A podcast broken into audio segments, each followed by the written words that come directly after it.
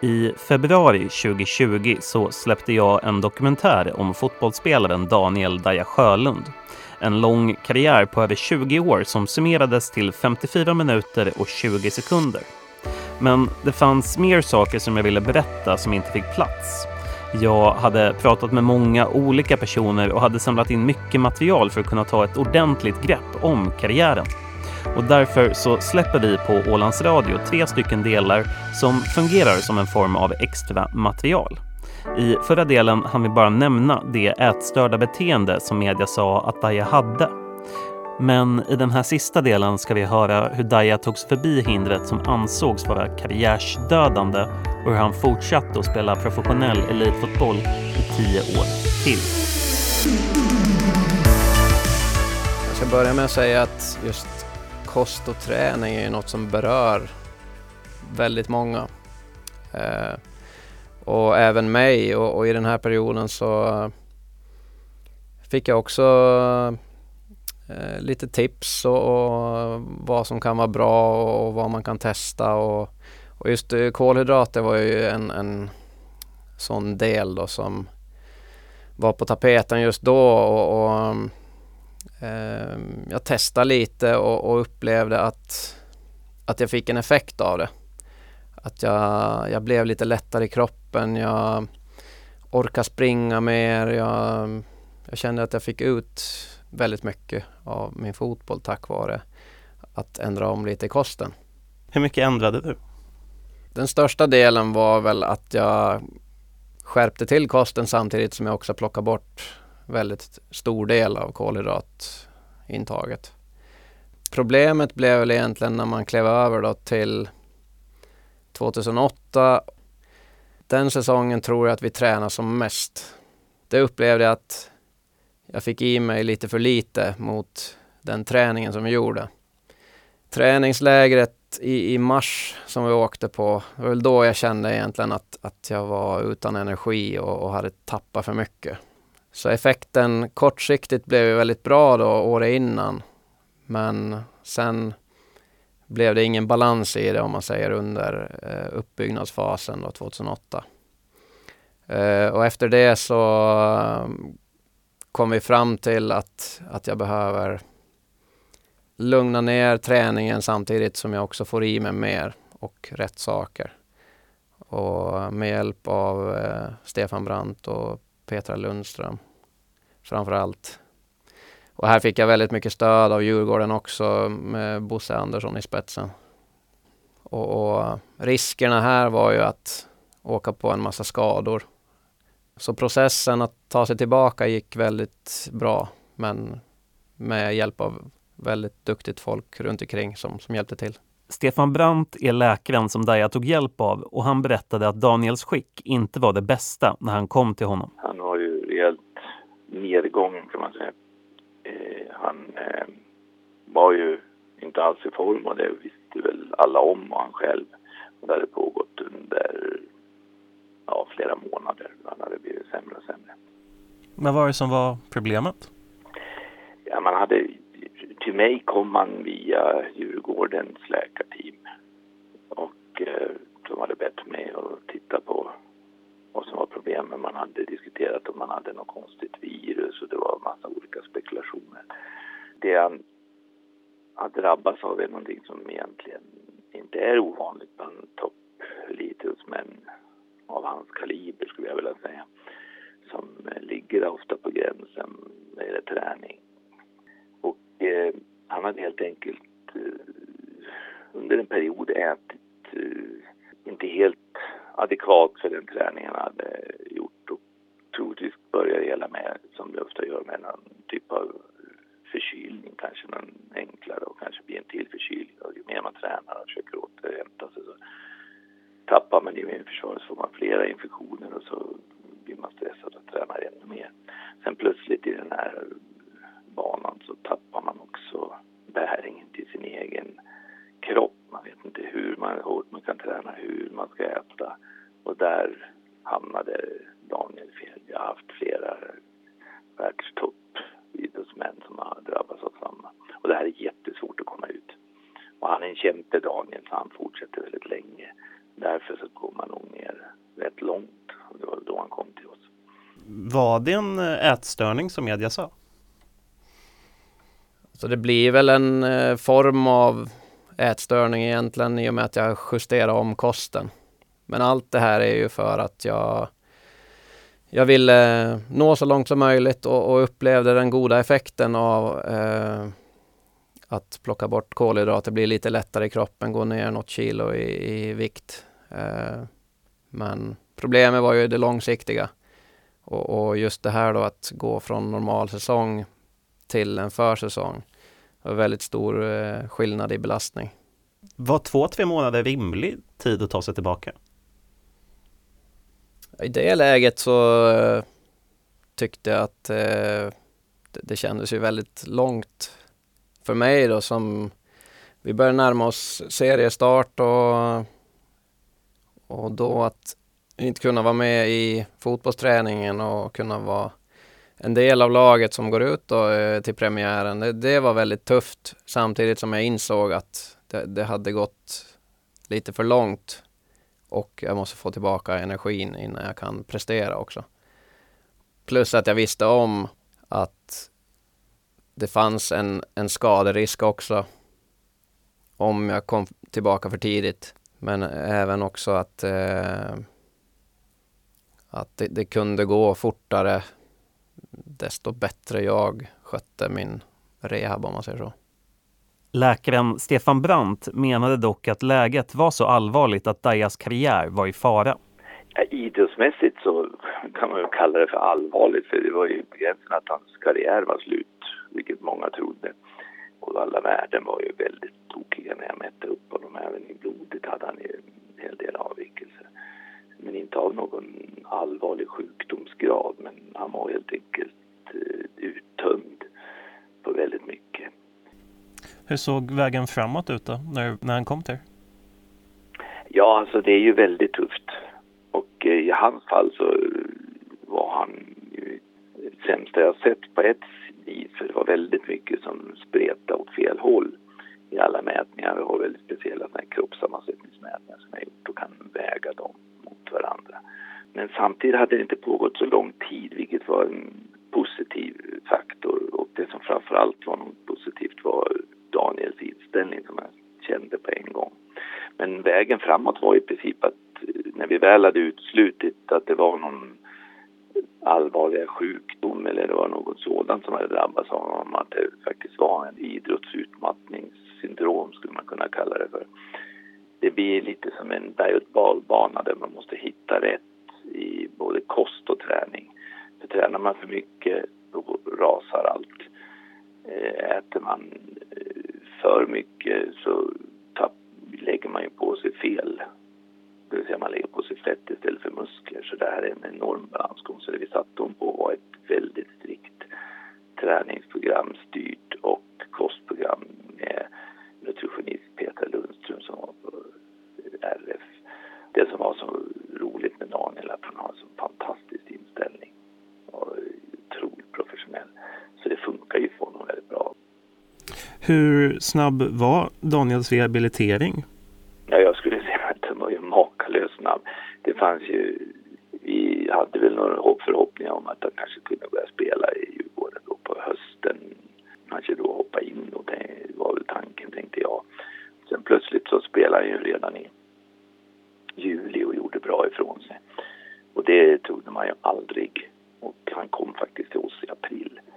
Och då hade vi första mätningarna, det är alltid så egentligen är första månaden väldigt svår för då kan man nästan, då hittar man inte riktigt eh, bäringen om man ska säga så. Man måste liksom ställa in hela kroppen. Så egentligen jobbar han från maj och sommaren. Så han la grunden för sin comeback kan man säga under perioden maj, juni, juli.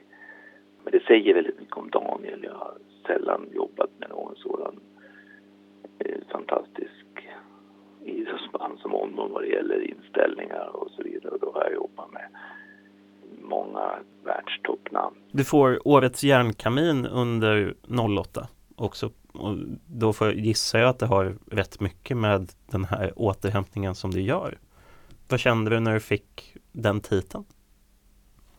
Ja, det värmde jättemycket i hjärtat och jag det är en eh, del av, av min fotbollskarriär som jag aldrig kommer att glömma. Och, och, det var till och med så i slutet på året att jag till och med vila två, tre sista matcherna som inte betydde så mycket då.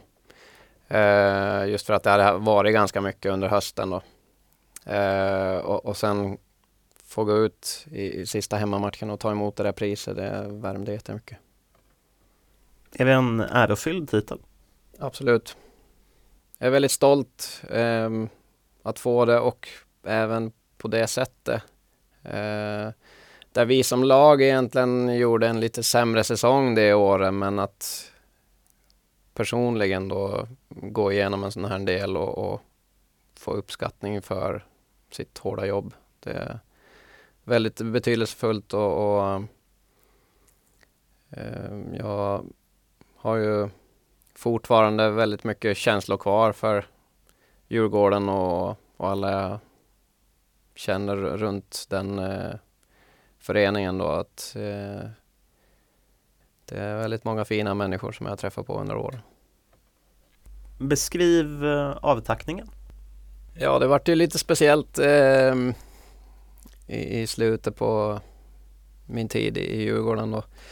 Jag eh, diskuterade lite med Magnus Persson som var manager då i Djurgården och om hur vi ska göra framöver och det fanns lite diskussioner om en förlängning eh, under säsongen.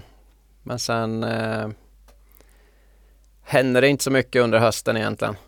Hörde inte så mycket från dem och eh, jag fick väl beskedet egentligen efter sista sista matchen eller om det var sista hemmamatchen. Då eh, kallade han in mig och, och berätta då att eh, så här tänker vi och vi, vi, tror att det är ett bra läge för dig att, att lämna då. Och sen efter det så vart det väl en period i, under en månad eller två där jag sökte klubbar och till slut eh, hamnade jag i Åtvidaberg. Men för det var ju en avtackning som i sociala medier blev ganska skändad för att vara dålig just från Djurgården. Vad kände du kring det? Men det var ju egentligen på grund av att beskedet kom efter sista hemmamatchen då, eller sista matchen. Och så varken jag eller supportrarna fick en chans egentligen att, att visa sin kärlek till varandra efter tio år. Och eh, sen eh, efter att det kom lite kritik då så kom det ju eh, en fråga då om, om jag kunde komma till Stockholm och se en hockeymatch eh, och, och, på något sätt få en avtackning där då. Men då, då hade vi fullt upp och söka en ny klubb egentligen och plus att en avtackning efter tio år på Stockholms stadion så kändes det lite konstigt att åka till Globen eller Hovet. Och kändes det ändå som att jag, jag hade mitt fokus på, på annat håll. Då. Jag, jag tycker inte jag får svar på frågan vad du kände.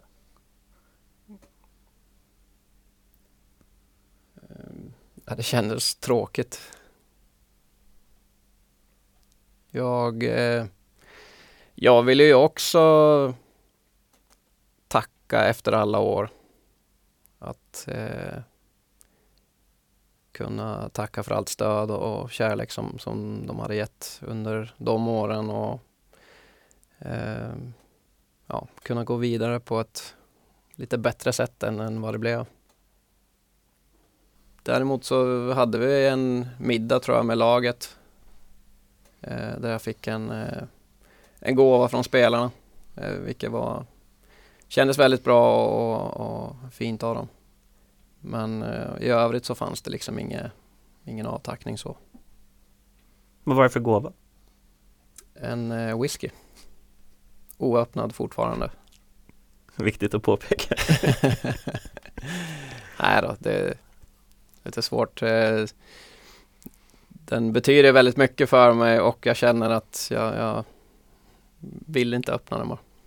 Det är en en fin gåva som får stå i skåpet. Leva med länge. Daja gjorde över 200 matcher i Djurgårdströjan och lyckades med att göra 27 mål under den tiden.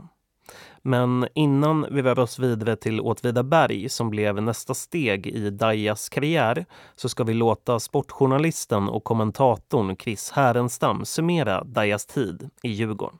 Och det finns så mycket att säga om Daniel Sjölund. Under perioden i Djurgården, alltså mellan 2003 och 2012, så uppnådde han en mängd framgångar, inte minst beroende på att han var en sån smart spelare.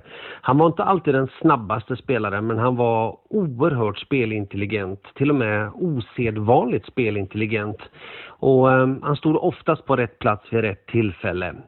Det som också är väldigt roligt med Daniel det är att han är en av de absolut bästa spelarna i Djurgårdens fotbollshistoria alla tider. Eh, utav de som inte kommer ifrån Sverige. Och det är naturligtvis extremt hedrande. Dessutom, supportrarna, de uppskattar honom och uppskattade honom. Inte minst med tanke på att han under ett utav åren faktiskt blev utsedd till Årets järnkamin. Så jag står här i Stockholm och pratar med glädje och med ett stort leende om Daniel Sjölund. Åtvid. Hur hamnade du där? Jag hade eh, några olika alternativ för att eh, åka utomlands igen då och, och, testa på något nytt äventyr. Men eh, var i ett läge där jag fyllde 30 tror jag.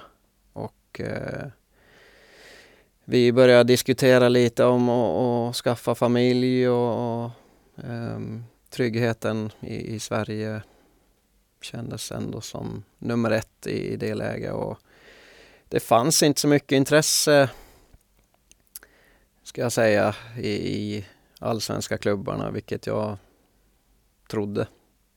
Uh, och sen gick det en, en tid in, in i januari där och så hörde Åtvid av sig och jag åkte ner och hälsade på och tyckte att det verkar vara en väldigt bra förening det också.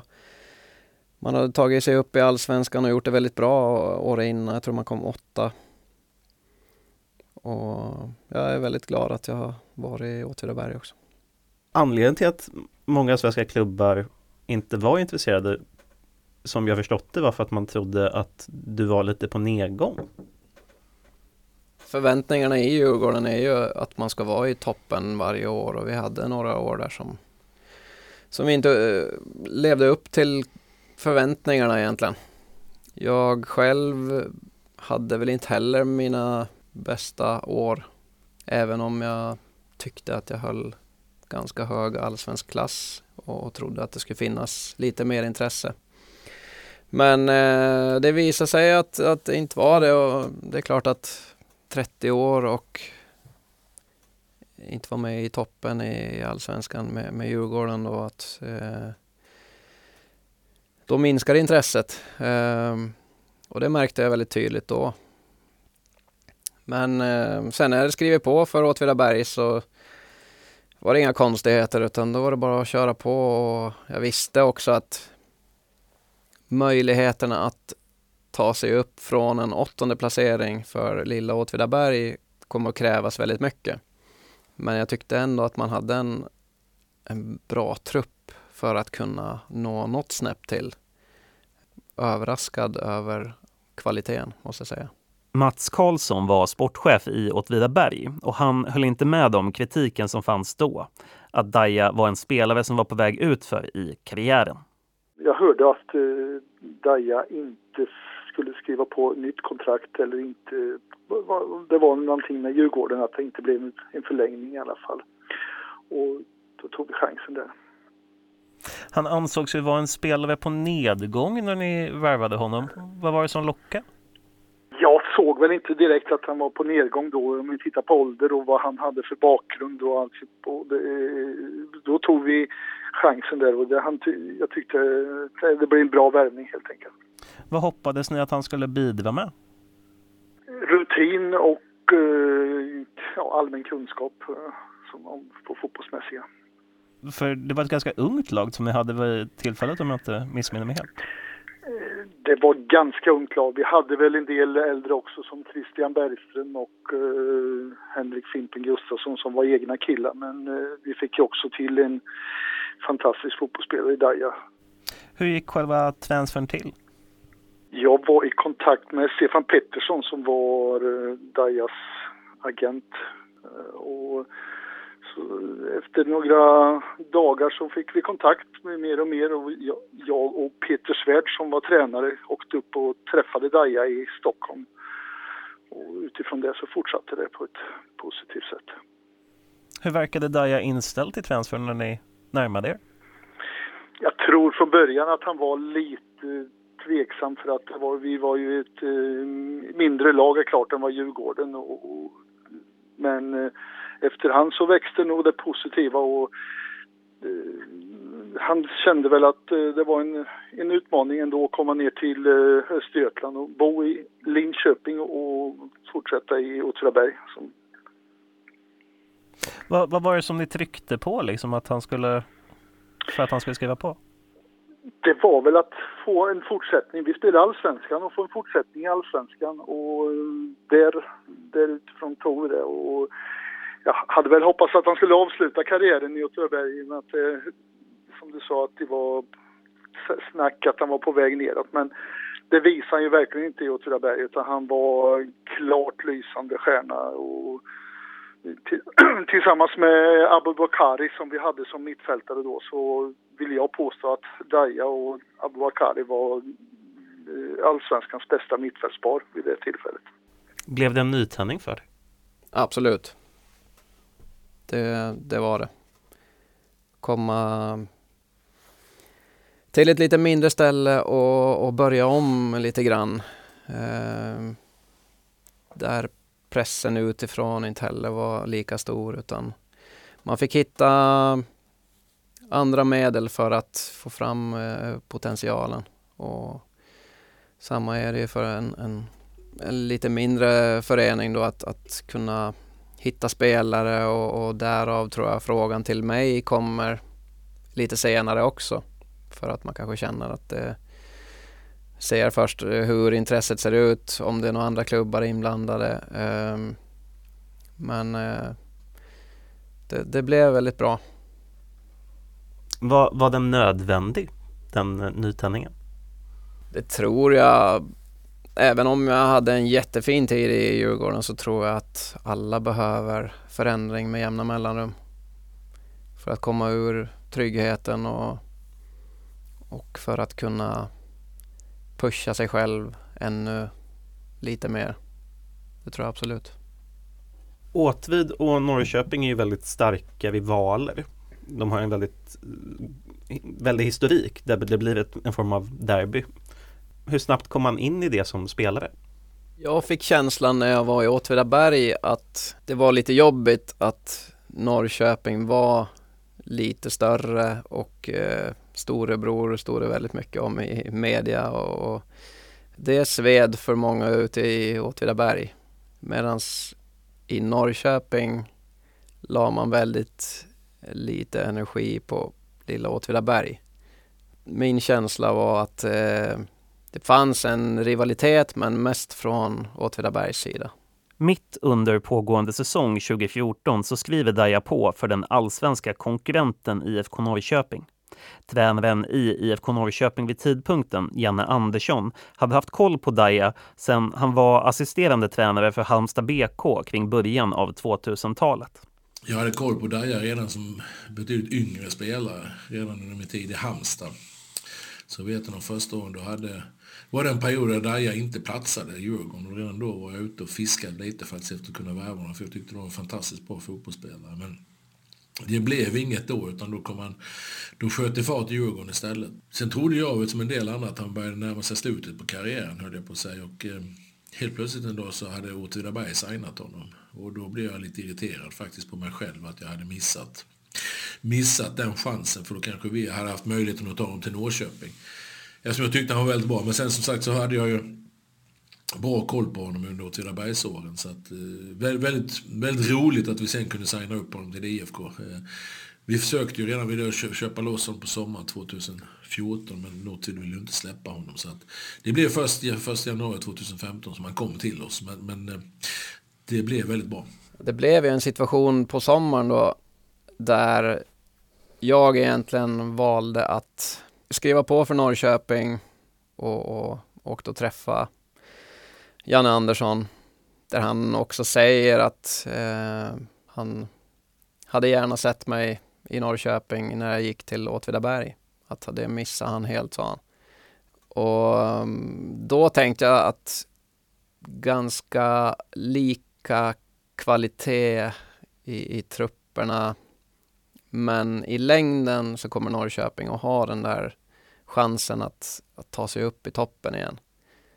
Medan det är en enorm utmaning för Åtvidaberg att, att ta sig upp.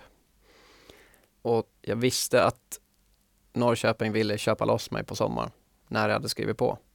Men Åtvid vägrade släppa. Även fast man låg på säker mark, vill jag säga.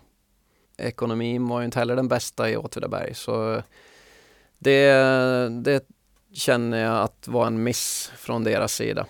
Mats Karlsson, dåvarande sportchefen i Åtvid, ger sin syn på när IFK Norrköping kom och knackade på dörren för att köpa loss Daja. Det var väl så här att vi ville egentligen inte släppa Daja under den tiden utan eh, vi, vi ville ha kvar honom. Nu blev man väl kvar eh, året ut om jag inte missminner mig och sen eh, gick han över efter det. Um, och det, jag förstår att han tog det steget för att det är klart att uh, ur ren ekonomisk och storlek på klubb så var det ju en, en så här i efterhand får jag väl säga att det var rätt för, för honom i det fallet. Det visar ju sig att han var långt, långt ifrån slut i alla fall. Starkaste matchminnet från Åtvid-tiden? Under den perioden som jag hade skrivit på för Norrköping hamnar vi i ett läge där Åtvidaberg har gått eh, ganska bra medan Norrköping har förlorat väldigt mycket och gått dåligt. Och då möter vi Norrköping och eh, jag diskuterade med Peter Svärd som var tränare då att det är kanske är bäst att jag inte är med då. Att självklart ställer jag upp om du vill ha mig på plan eller på bänken eller hur han nu vill ha det. Men eh, det, det, blir en eh, konstig situation för alla inblandade. Då var tanken från början att, att ja, men, du står över den här matchen. Det, kontraktet är, är säkrat och eh, det finns egentligen ingenting att tänka på än framtiden och, och, nästa år och kanske man kan få in en annan spelare då och förbereda sig för det. Sen slutade det med att det, det blev en skada eller någon som blev sjuk eller någonting. Så frågan om jag kan vara med på bänken då? Eh, absolut, inga problem. Så eh, sitter på bänken och eh, då uh, får vi en skada första halvlek. Han kämpar ändå på till halvtid.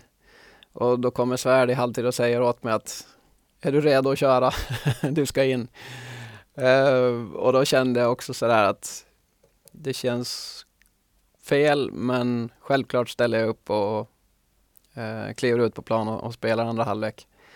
Och då blir det en väldigt konstig känsla för jag vet att Norrköping behöver poäng. Samtidigt som jag har kontrakt med Åtvidaberg och spelar där och vill visa upp mig från min bästa sida. Så det var mycket som snurrade i mitt huvud då. Hur slutar matchen? Jag hoppar in när Åtvidaberg leder med 2-1, om jag kommer ihåg rätt. Just med det här då i, i bakhuvudet att eh, det var länge sedan eh, Åtvid slog Norrköping i någon form av match. Så eh, och en väldigt stor grej. Plus att man egentligen i det här läget då kunde trycka ner Norrköping ännu mer och, och med risk för att de åker ur allsvenskan. Och då gör eh, Norrköping ett mål i 90 minuten och får med sig en poäng, en viktig poäng. Så det slutar som det brukar göra i matcherna mellan Åtvidaberg och, och Norrköping. Åtvidabergs dåvarande sportchef Mats Karlsson minns tillbaka på Dejas tid i Åtvid med stor glädje. Vi fick en spelare som tillförde jättemycket. Det, som jag ser framför mig så hade han, eh, styrde han mycket av spelet. Eh, han hämtade boll längre ner och startade upp flera och tog sig upp i plan och fick fram. Vi hade ett bra lag på då, som jag sa, Abubakari som senare har varit Häcken och Helsingborg var ju en mittfältspartner till honom. Christian Pligg Bergström då, som även hade spelat både i Malmö och Norrköping och kom hem till Åtvidaberg och fortsätter vara vänster mittfältare. Så att ja, vi, vi, vi, fick ett, vi fick ett väldigt bra mittfält och mm, jag tror att Daja egentligen trivdes med fotbollen som var. Vi, vi gjorde en, en, en bra tid då. Vi kom, för Åtvidabergs del så var vi, kom vi åtta i Allsvenskan under tre år, varav de två åren var Daja med Fanns det någonting som överraskade dig hos dig? Han, han, tog sig del i hela utvecklingen i, i laget, hur, hur, vi jobbar och han, han var delaktig med, med ledare och spelare. Och framförallt, jag menar han har ju spelat professionell i England och så vidare och skulle kunna komma till lilla Åtvidaberg och, och vara en, en stöddig person egentligen. Men uh, han, han ville någonting med Åtvidaberg och jätte, jättebra kille att ha jobba med.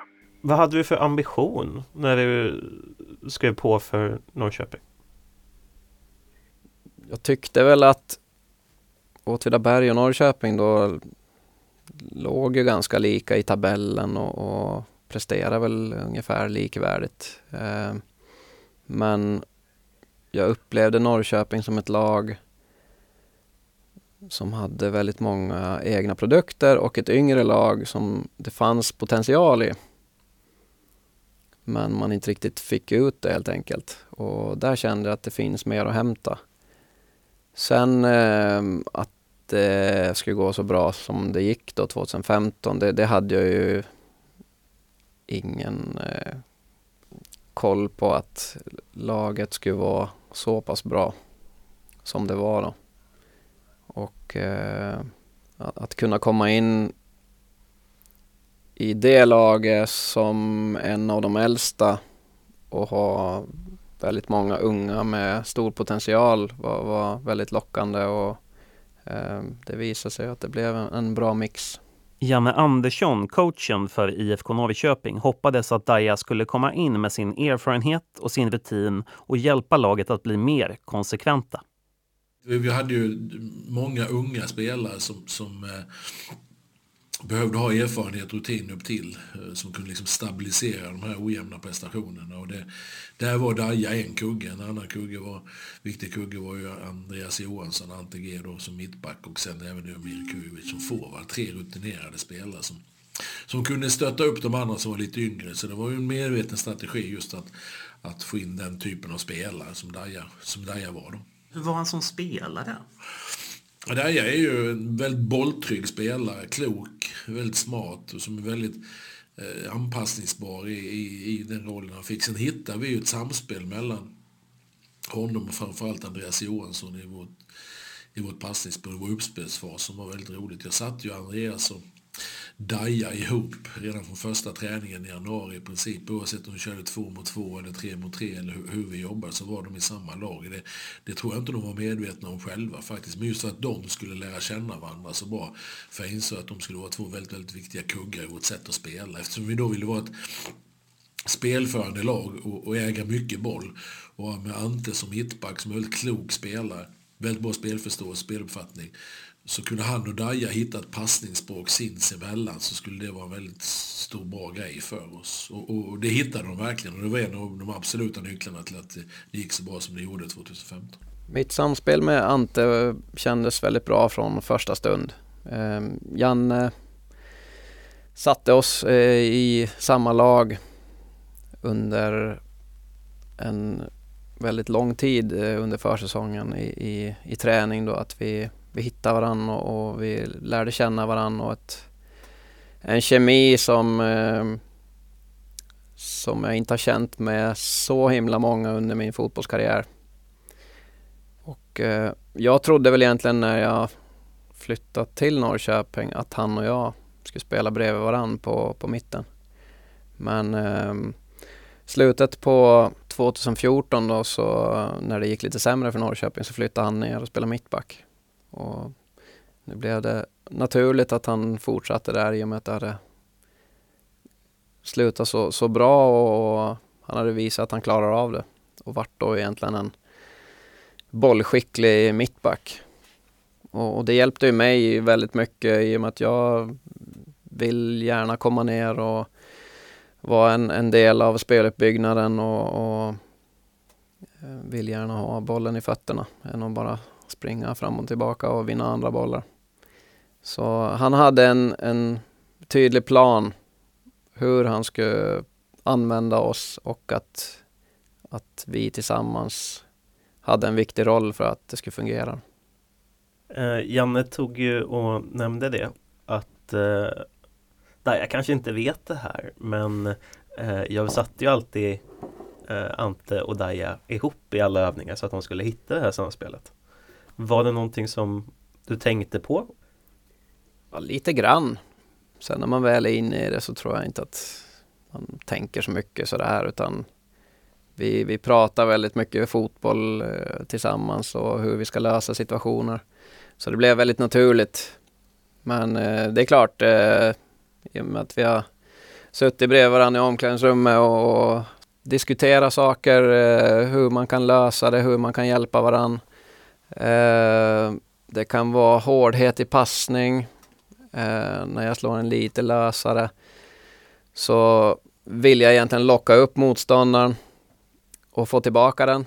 Slår jag en hård passning så då är det en jättebra möjlighet att vända upp. Och där tror jag att vi, det, det var nyckeln, att vi tänkte väldigt lika om fotboll och eh, situationerna som uppstod. Daja ställdes ju mot Janne Anderssons klubbar Halmstad BK och IFK Norrköping några gånger. Men vad ansåg Janne Andersson om att möta Daja som motståndare? Det var alltid irriterande för han är en sån spelare som alltid Eh, alltid på något sätt så har han tid med bollen. Alltså även om han hamnar i trånga situationer, har folk omkring sig, så på något sätt så löste han alltid situationen ändå. Så att det var en av grejerna jag fastnade för som motståndare. Att jag brukar säga att ser man, möter man spelare, man ser spelare som man tycker är väldigt bra, då vill man gärna ha dem i sitt eget lag. Och det var just den delen med Daja då, att han, hans sätt att lösa situationen, hans klokhet det, och, och smartness, eh, den, den, delen vill jag gärna ha i mitt eget lag. Och det var det, var det som tilltalade mig. Hur, hur var han som person i omklädningsrummet? Daja är ju en av de där som kanske inte eh, hörs mest och på det sättet tar så stor plats. Men men alltid, eh, vad ska man säga, alltid positiv, alltid, alltid vilja tillföra någonting. Och, och, och eh, jag här pratar ju en del med honom och, och Ante liksom kring spelet och hur vi skulle spela och hur man skulle liksom agera.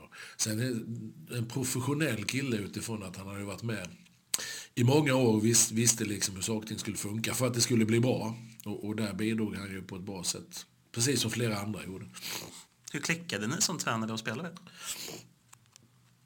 Nu vet jag inte vad han säger, men jag tror vi, hade, vi trivdes väldigt bra ihop. Nu gick det väldigt bra det året, eller ett och ett halvt året som, som vi jobbade tillsammans. Men stor respekt för det här, det tror jag han känner också, att det var en av de, en av de som jag tyckte var absolut viktigast i, i hela den, den perioden i IFK Norrköping, absolut. Berätta om eh, din relation med Janne.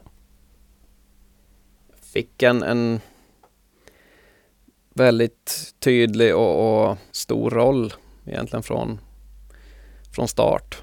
Och eh, vi hade ju inte lika många äldre och erfarna spelare i Norrköping när jag kom dit. Så jag och lagkaptenen Andreas Johansson då, fick eh, väldigt stora roller och mycket ansvar för att eh, ja, bära laget framåt egentligen.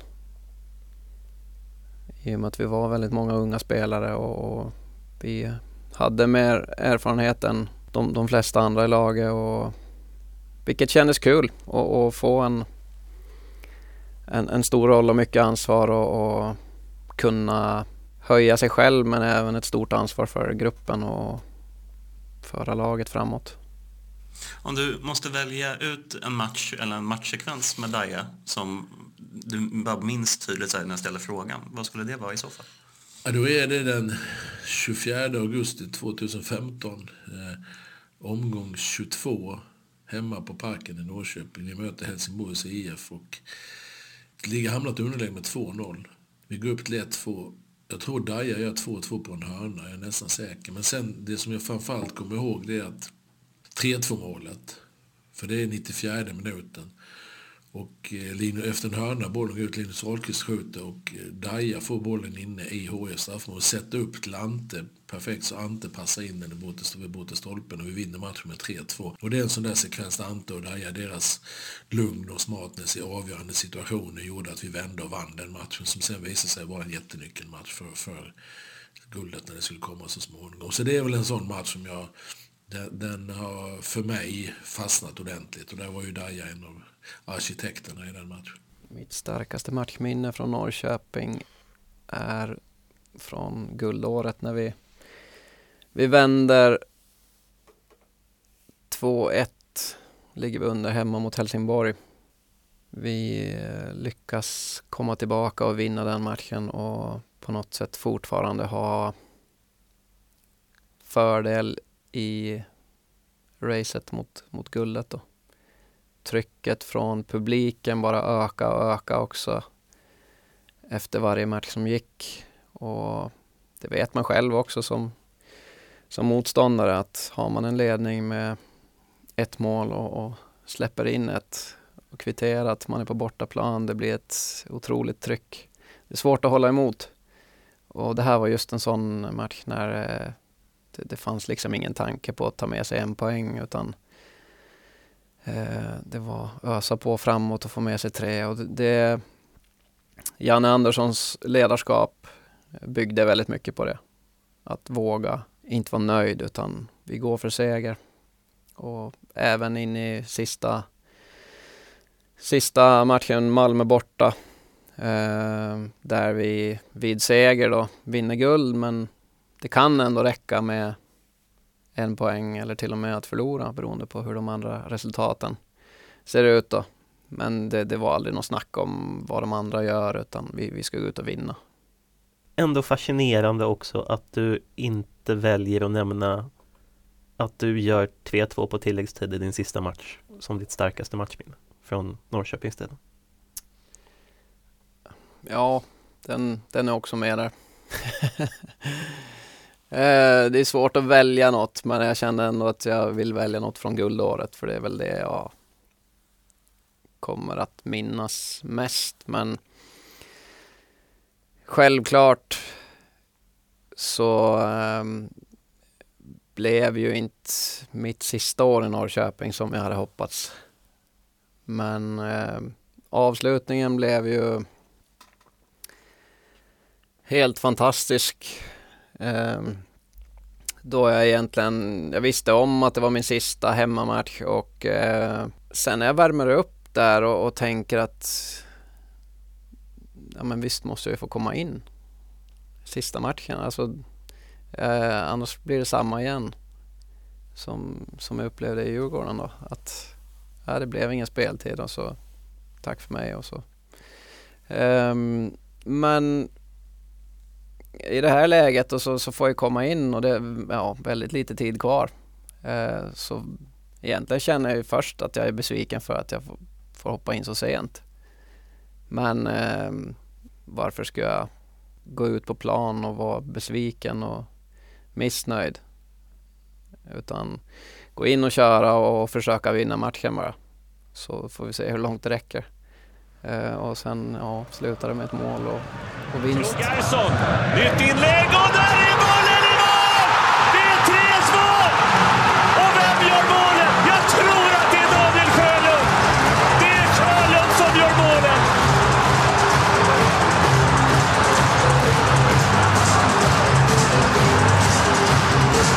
En saga för bra för våra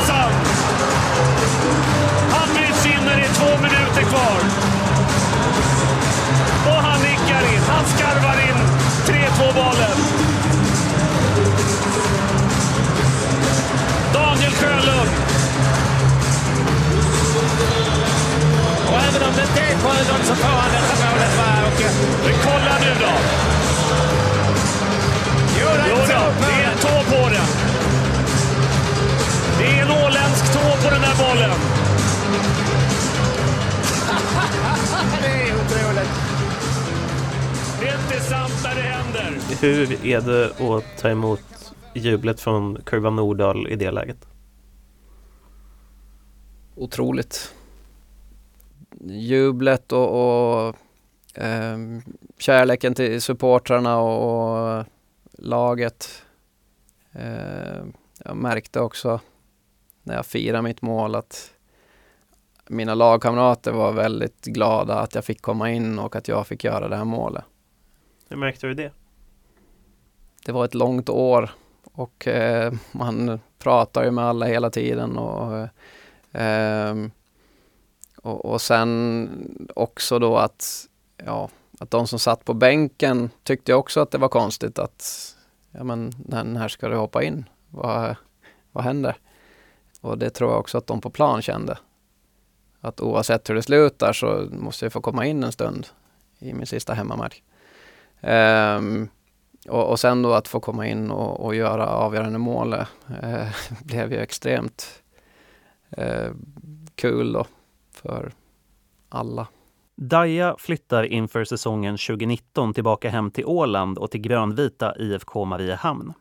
Klubbdirektören Peter Mattsson ansåg att det var en viktig värvning och att Daja kommer vara en av ligans bästa spelare på sin position. Med hans rutin och, och spelskicklighet så betyder det otroligt mycket och, och än mera då i och med att vi som, som jag ta, nämnde lite tidigare att vi har ju tappat lite, lite rutin och, och äldre spelare inför den här säsongen så att det är otroligt viktigt och, och han kommer ju vara en en av, av absolut Finlands bästa eh, mittfältare som jag ser det och, och, och har respekt i både motståndare och med, medspelare så att det blir en, en, en uppsving på alla sätt och vis så att eh, jag ser bara positivt i den här saken. Vilken tid i ditt liv bestämde du dig att du ville avsluta karriären i IFK Mariehamn?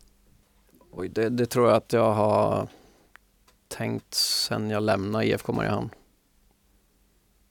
Det har jag alltid egentligen sagt också att jag vill flytta hem till Åland och avsluta min karriär i Mariehamn oavsett vilken nivå Mariehamn spelar. Um, och även att flytta hem till Åland har alltid varit en självklarhet. Varför då? Trivs bra här. Det är ett fint ställe. Min sambo kommer också härifrån och vi har haft en väldigt fin uppväxt eh, båda två på Åland och vi kände att vi, vi vill tillbaka och vi vill ha våra barn på, på dagis och gå i skola här och vara nära våra föräldrar och våra syskon och många kompisar. Berätta om eh, sista året i IFK Mariehamn. Rent resultatmässigt så tycker jag att vi gör en bra säsong med en sjätteplats i, i serien. Vi spelar på övre halvan. Vi spelar en cupfinal och vi tog oss till eh, playoff-final. Eh, det hade varit väldigt fint att kunna avsluta med en Europaplats, eh, ett cupguld eller då vinna den här playoff-finalen. Men eh, tyvärr så blev det inte så. Men under seriens gång, efter att ha mött alla lag ett par gånger så eh, tycker jag att en, en sjätte placering är där vi ska vara ungefär.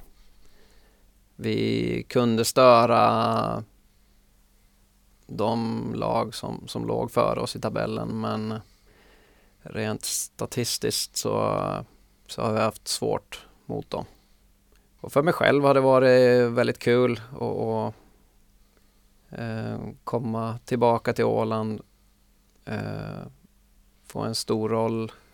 Eh, återigen ett väldigt ungt lag, vara lagkapten och få gå ut och spela här då på VH. Hur var det att komma tillbaka till de gamla vännerna som nu är tränare? Eh, inget konstigt tycker jag. jag Lundis är en väldigt bra vän till mig och jag vet om att han är tränare och att han har gjort det väldigt bra också. Han är väldigt skicklig i det han gör med, med väldigt små medel och i en eh, liten förening.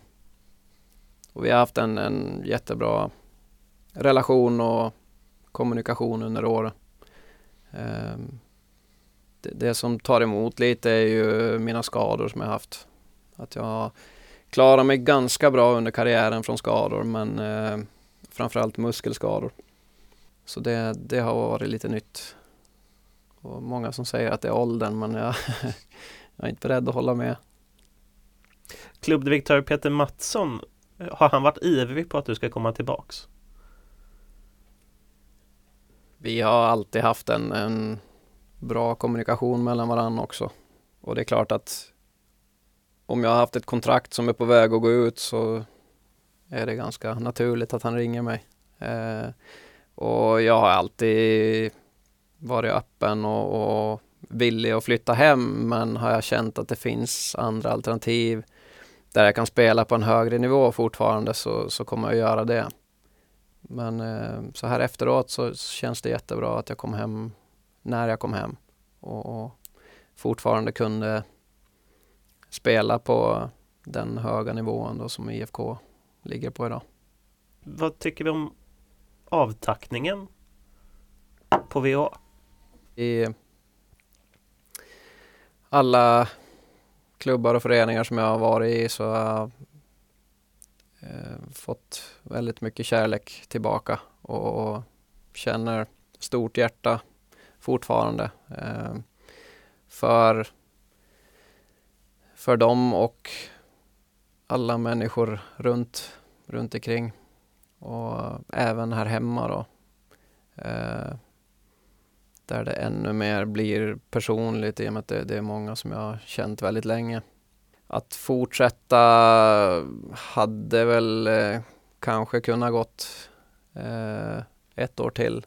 Men eh, jag bestämde mig ganska tidigt på säsongen eh, under sommaren tror jag.